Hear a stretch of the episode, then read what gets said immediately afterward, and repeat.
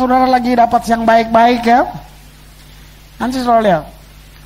Dia gagal menjadikan istrinya sebagai wanita nomor satu dalam hidupnya.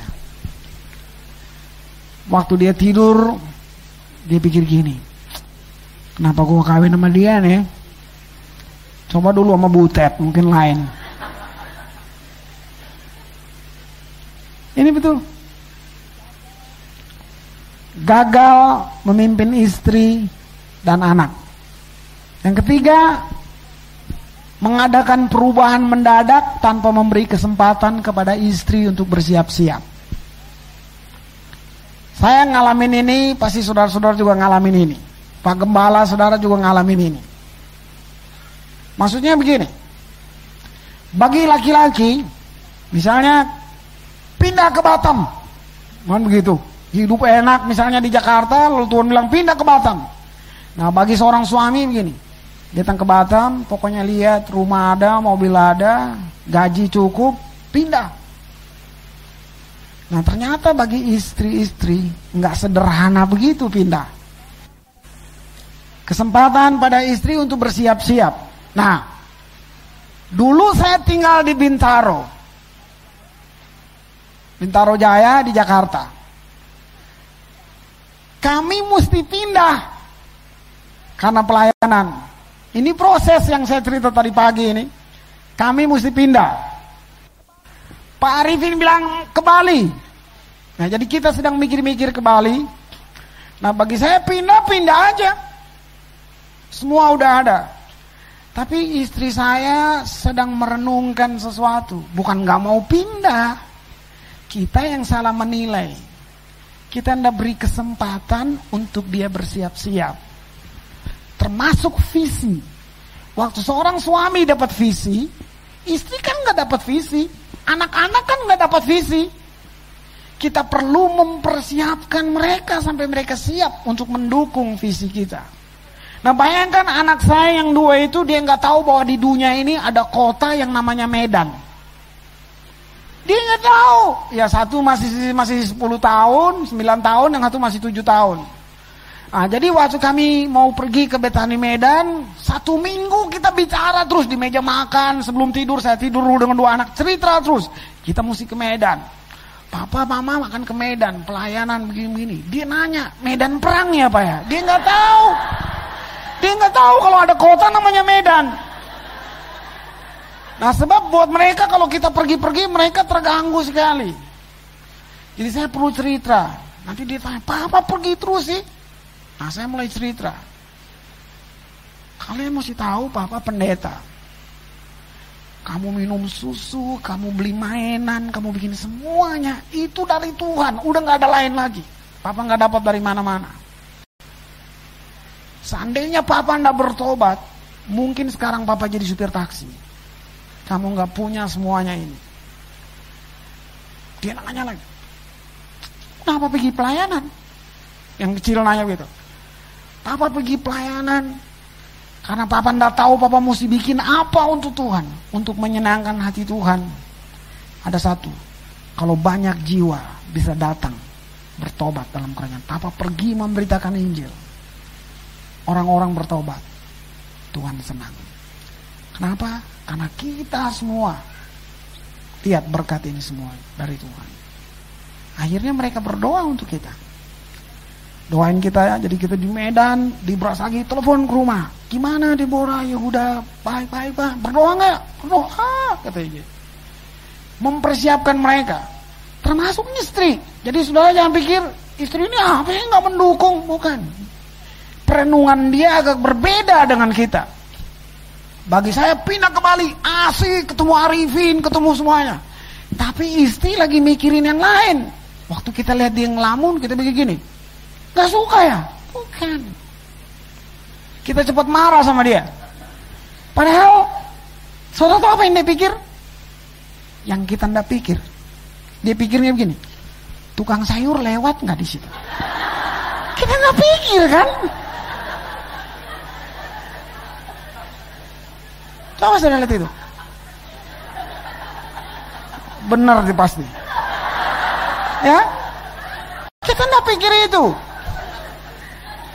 Itu uniknya saudaraku. Perempuan itu punya keunikan di situ, ya. Itu benar. Nah, istri mikir gini lagi.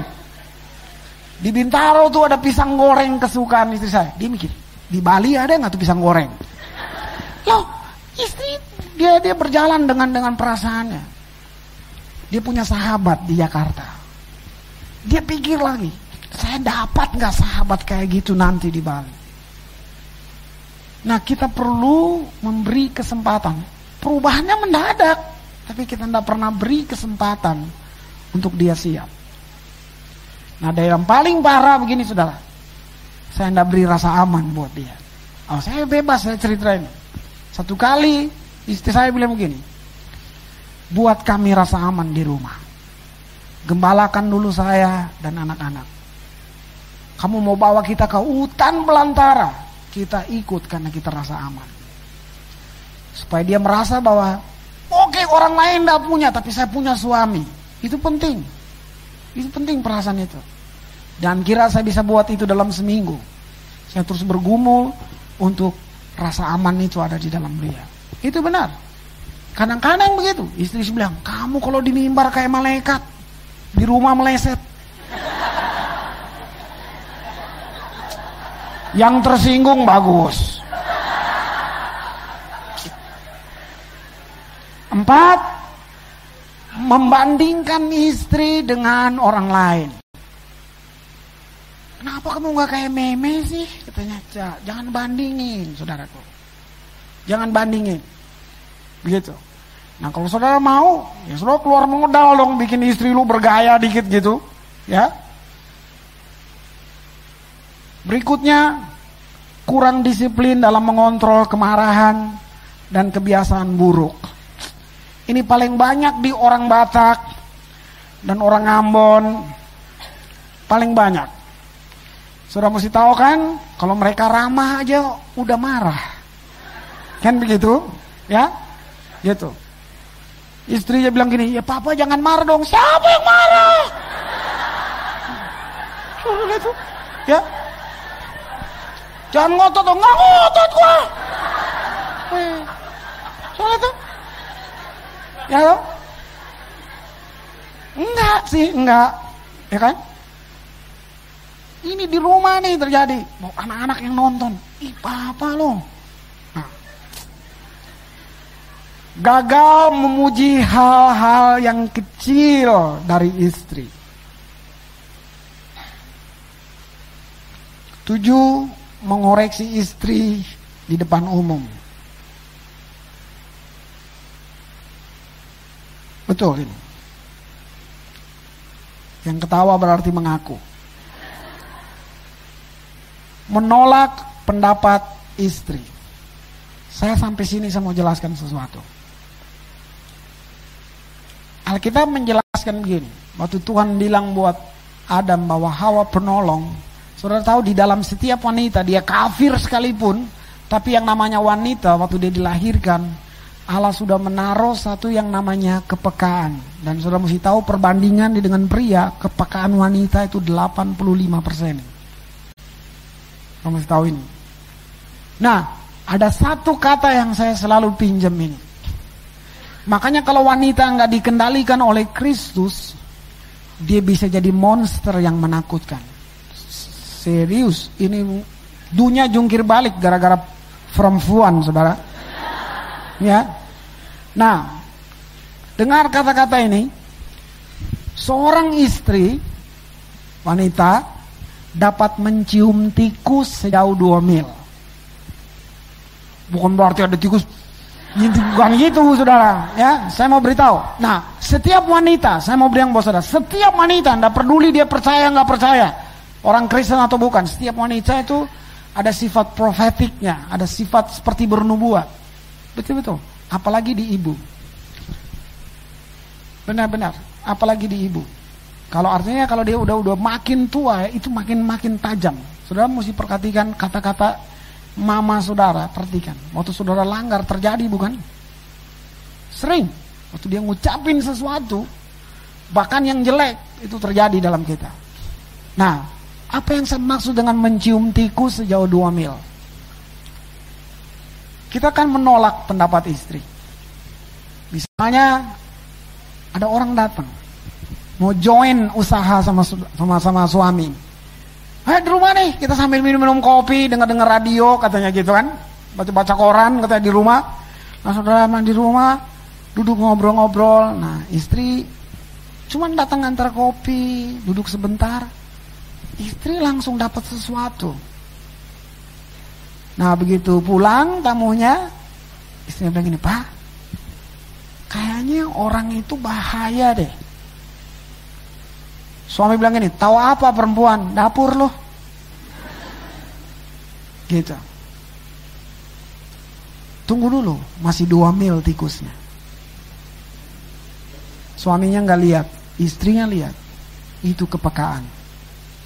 Kira-kira tiga bulan Waktu mereka jalan usahanya, suaminya ketipu. Baru dia ingat bahwa istrinya tiga bulan yang lalu sudah memperingatkan saya. Ini yang saya maksud mencium tikus sejauh dua mil. Sebab itu walaupun saya tidak setuju pakai kasar sedikit dengan istri saya, tapi saya nggak buang begitu apa yang dia bilang. Kadang-kadang sambil mandi saya pikir, itu tadi kata-kata itu benar nggak? termasuk khotbah saya. Semuanya benar-benar dari saya nggak suka sampai akhirnya saya butuh. Ya, sampai saya butuh pendapatnya. Ini benar, benar saudara. Jangan menolak pendapat istri. Kemudian mendisiplin anak dengan marah. Nah itu saudara lebih tahu contohnya. Tidak bersedia minta maaf. Laki-laki sangat sombong saudara. Tidak bersedia minta maaf. Nah karena dari tadi laki-laki terus yang kita marah-marahi sekarang gantian.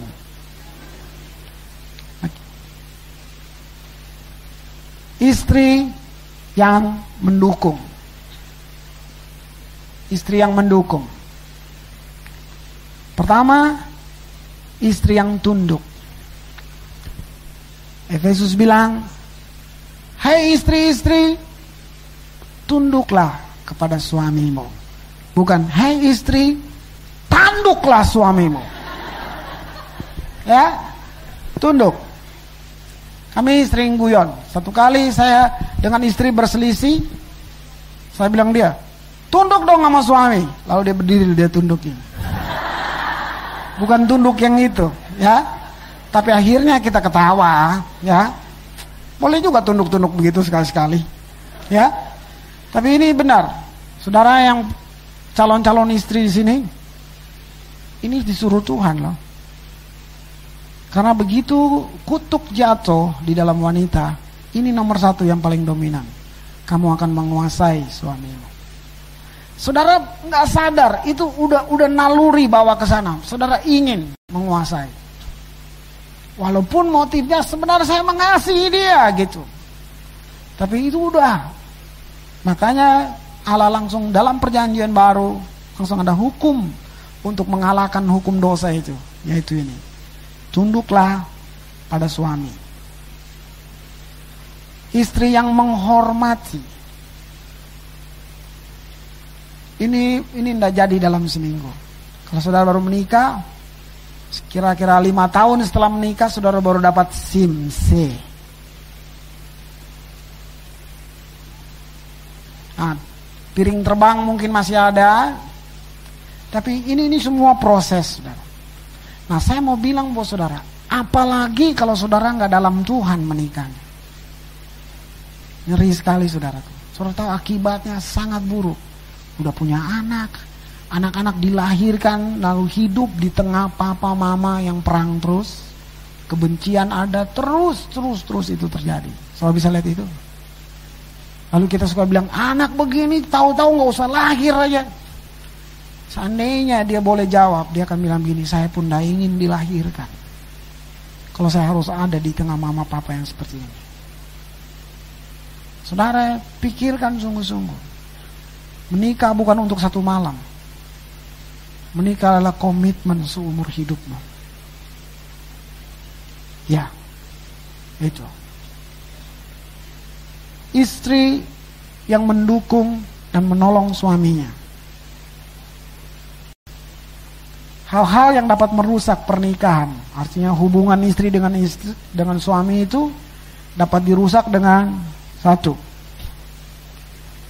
tidak menghargai suami sebagai laki-laki. Apalagi kalau dua-dua punya usaha, istri lebih besar, oh itu. Ini terjadi. Mesti kembali ke firman Allah. Yang kedua, tidak menerima suami sebagai pemimpin rohani. Alasannya karena istri lebih dulu bertobat. Suaminya baru, lalu dia masih menggurui terus. Mestinya begitu suaminya bertobat, apalagi sudah di dalam gereja, mulai dia alihkan dong ke pemimpinan. Walaupun suaminya mungkin 12 murid Tuhan belum tahu. Tapi mulai kasih dia yang pimpin. Kasih dia. Dorong dia dengan kepandaian kita caranya gimana lah membuat dia ada di tempat yang layak untuk hal itu. Bukan menggurui, Kadang-kadang kita lagi ngobrol nggak terasa kita sedang menggurui. Seorang suami menolak hal seperti itu. Karena kembali lagi nalurinya sudah membawa dia ke sana. Nah, sampai di situ sudah bisa lihat kalau saudara sekarang nggak rohani nih semua perempuan yang di sini, saudara akan jadi monster nanti dalam rumah tanggamu. Sungguh-sungguhlah dengan Tuhan, maka saudara akan menjadi keluarga yang luar biasa gagal mengoreksi suami dengan kasih. Contohnya begini. Suami bilang begini, nanti saya pulang kira-kira jam setengah sembilan nih, kita makan sama-sama. Oh, istri senang kan? Oke dong, jam delapan dia udah duduk, meja udah diatur, pasang lilin, kasih bunga kecil di sini. Tunggu, Tahu-tahu suami entah apa ketemu teman di sana gitu.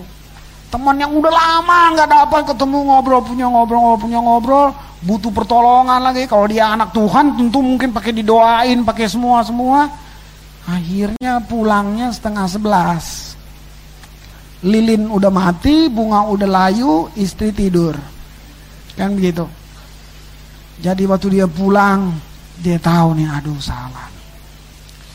Tapi dia udah siapkan jawabannya, saya akan jelaskan bla bla bla bla bla bla bla. Begitu dia masuk belten, buka, begitu buka pintu dia mau bilang ini sorry dia sang. Begitu dia bilang sorry, istrinya langsung Begini dia koreksinya, kamu emang selalu begitu, padahal baru sekali itu. Kamu selalu begitu, dengar? Baru sekali. Saudara, tahu nggak yang saya bilang gara-gara odol mereka cerai? Itu soal koreksi aja. Biasanya nih mungkin waktu zaman zaman zaman kuliah dulu kan, yang satu indekos, yang satu orang kaya kan gitu. Jadi waktu itu nggak pikir ya, mau odol satu hari satu nggak apa-apa. Tapi mungkin nih yang perempuan nih irit. Perempuan suka keindahan. Jadi kalau dia pencet odol, dia pencet dari bawah. Step by step. Tah elah, rapi. Odol pun dilihatnya enak gitu karena dia pencet bawah.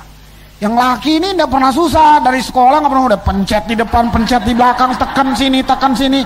Itu odol modelnya, wah, udah jelek banget gitu. Nah gitu. Nah sedangkan tiap pagi mereka ke wastafel situ kan, jadi si istri datang ke situ. Istri bilang begini, siapa nih sih yang pencet odol jelek begini? Singgung kan suami. Gue mau apa loh? Coba lihat tuh. Nggak pakai, udah nggak ada tuh. Yang yang udah nggak ada tuh. Apa loh? Katanya kan begitu.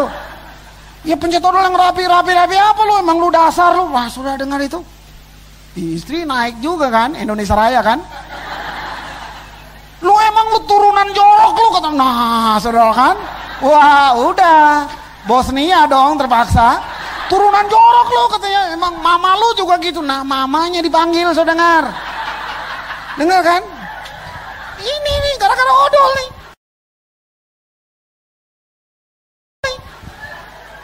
Suaminya balik, emang lu turunan lu, lu mama lu juga begitu. Nah udah mati mamanya sudah disebutin, mama, kakek, habis semuanya. Odol persoalannya, bawa buang aja tuh odol, beli yang baru nih, gitu kan. Siap. Soal foto saudara bayangin. Yang biasanya mungkin istri tahu keindahan, dia tahu bunga ini di mana.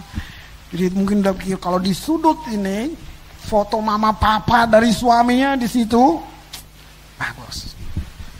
Tapi suami pikiran gini, papa mama gua fotonya mesti di tengah. Memang di tengah, tapi dari segi keindahan biasa-biasa aja. Komunikasinya yang salah kan? Dia anggap dihina sama papanya. Rame kan? Nenek yang udah mati, engkong yang udah mati disebut-sebut tuh dipanggil semuanya. Ini saudaraku, persoalan di situ. Hanya komunikasi, gagal mengoreksinya. Mengoreksinya tidak dengan kasih. Yang sini dibilang gagal mengembangkan kecantikan batinia. Dengar istri-istri, saudara mau cantik di luar, lima menit. lima menit. Apalagi saudara udah biasa dandan di mobil, kan? Lima menit ya dempul sana, gincu sini, beton sini, kasih semen, cantik kan? Ya kan? Lima menit. Kalau udah jago, udah biasa gitu ya, mau ke kantor, ngecat, udah cantik. Itu di luar. Tapi kalau mau cantik di dalam, perlu seluruh hidupmu kamu taruh di sana. Gak bisa lima menit, gak bisa lima tahun. Perlu total Kurang cantik apa Lady Di? Kurang apa? Sudah lihat itu. Kurang ajar yang ada saja. Itu benar-benar. Saya baca kira-kira tahun berapa ya? Pokoknya begitu mereka menikah, beritanya sepanjang tahun itu kan Lady Di, Lady Di terus. Nah kita beli intisari. Saya baca di, di, di, dibuka di situ tentang bagaimana Lady Di dipersiapkan untuk masuk di istana, untuk menjadi keluarga istana. Itu dipersiapkan. Guru-guru yang mengajar dia duduk. Mengajar seorang putri untuk jalan. Gak boleh tuh Lady Di berjalan begini-begini tuh gak boleh. Gak boleh saudara. Diajarin jalannya. Sampai ketawa baca itu dibilang senyum waktu dia senyum disenti senyumnya ratu senyumnya mesti bagus gitu nggak ada nggak ada Lady Di berani senyum begitu habis. Habis. Habis. Penyanyi terkenal tahun 80-an 70-an Tom Jones pernah ditangkap polisi waktu dia salaman dengan Ratu Elizabeth. Ditangkap sama polisi. Saudara dengar gini Tom Jones terkenal playboy. Dan waktu itu dalam konsernya Ratu Elizabeth ada di sana. Dan Tom Jones merasa satu penghormatan, dia boleh salaman dan dia senyum. Saudara tahu ditangkapnya gini, karena Tom Jones memberi senyum seks buat Ratu. Ditangkap. Saya nggak tahu dari mana menilainya bahwa senyum ini seks dan itu saya nggak tahu. Pokoknya dia ditangkap. Nah seorang ratu dilatih itu kayak begitu. Nah kurang apa? Itu yang di luar, itu yang dia gagal mengembangkan kecantikan batinia. Itu kegagalannya. Gereja membawa saudara mengembangkan kecantikan batinia. Persekutuan di gereja semuanya mengajar saudara mengembangkan kecantikan batinia.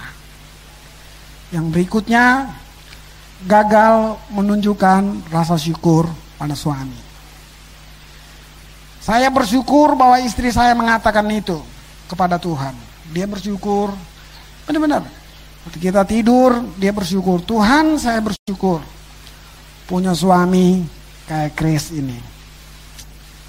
Yang ya kecil lah. Gitu. Ya. Yang keenam, menolak perlindungan suami. Merasa bisa sendiri.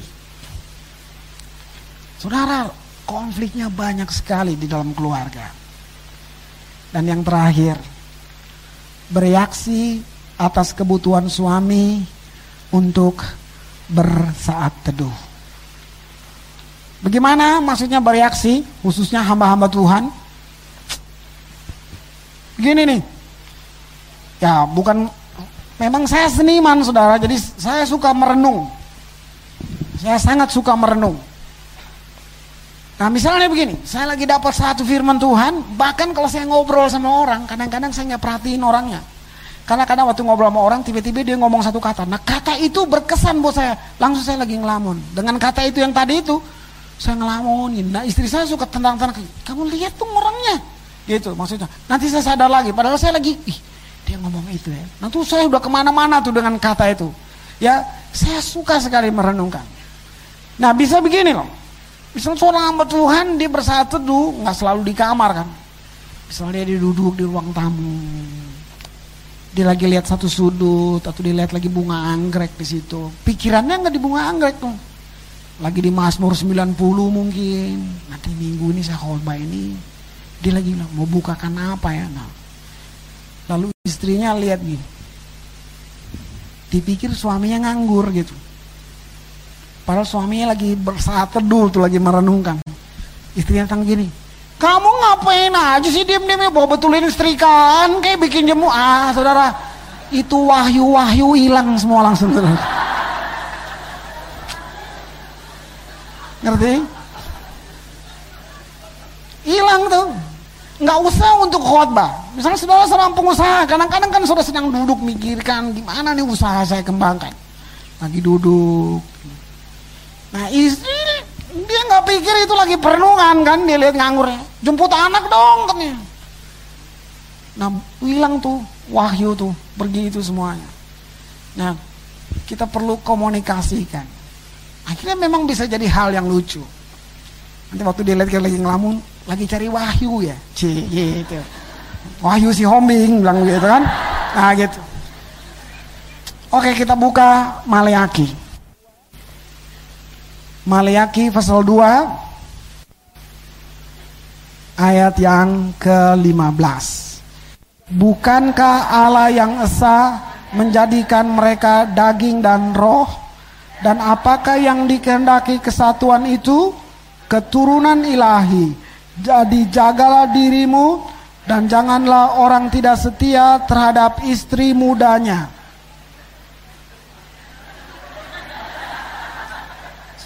Saya punya gitu.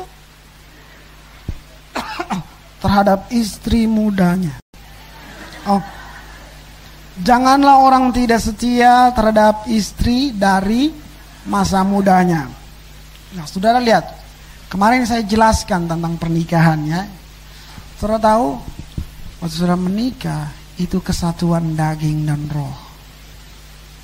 Ini luar biasa. Lalu dibilang gini, apakah yang dikehendaki dari kesatuan itu? Keturunan ilahi.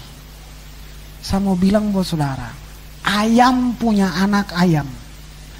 Anjing punya anak anjing.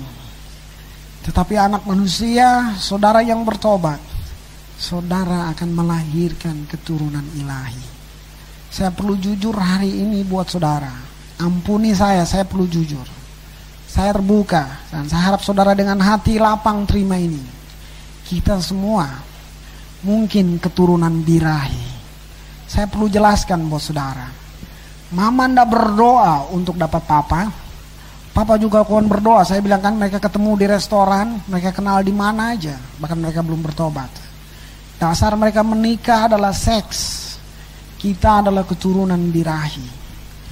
Ini generasi yang lagi parah-parahnya. Terlebih lagi kita melanjutkan semuanya. Kalau sampai saudara menikah di luar kehendak Allah, saudara hanya melahirkan keturunan birahi. Allah mau kita melahirkan keturunan ilahi. Satu waktu nanti, anakmu yang perempuan, dia akan berdoa. Seandainya ibu dan bapak bisa dengar anaknya berdoa maka anak perempuan akan berdoa begini, Tuhan, kalau nanti saya punya suami, beri yang seperti papa Tuhan. Sebab papa betul-betul laki-laki yang luar biasa di rumah ini. kami aman di rumah ini. Kami terjamin. Kami dilindungi. Tuhan kasih saya suami seperti papa. Surah akan dengar doa anak laki-lakimu. Dia bilang begini, Tuhan, kalau Tuhan mau kasih saya istri, saya minta seperti mama Tuhan. Kami semua di sini terpelihara, baju kami selalu rapi, rumah ini tertata rapi. Semuanya kami tertawa di dalam rumah ini. Karena mama, beri saya istri seperti mama. Ini sudah nggak ada di abad ini. Di keluarga-keluarga Kristen. Kalau kita masuk kamar anak kita yang sudah remaja pemuda. Kita lihat gambar Madonna. Kita lihat gambar Mike Tyson. Kita lihat gambar siapa aja Michael Jackson.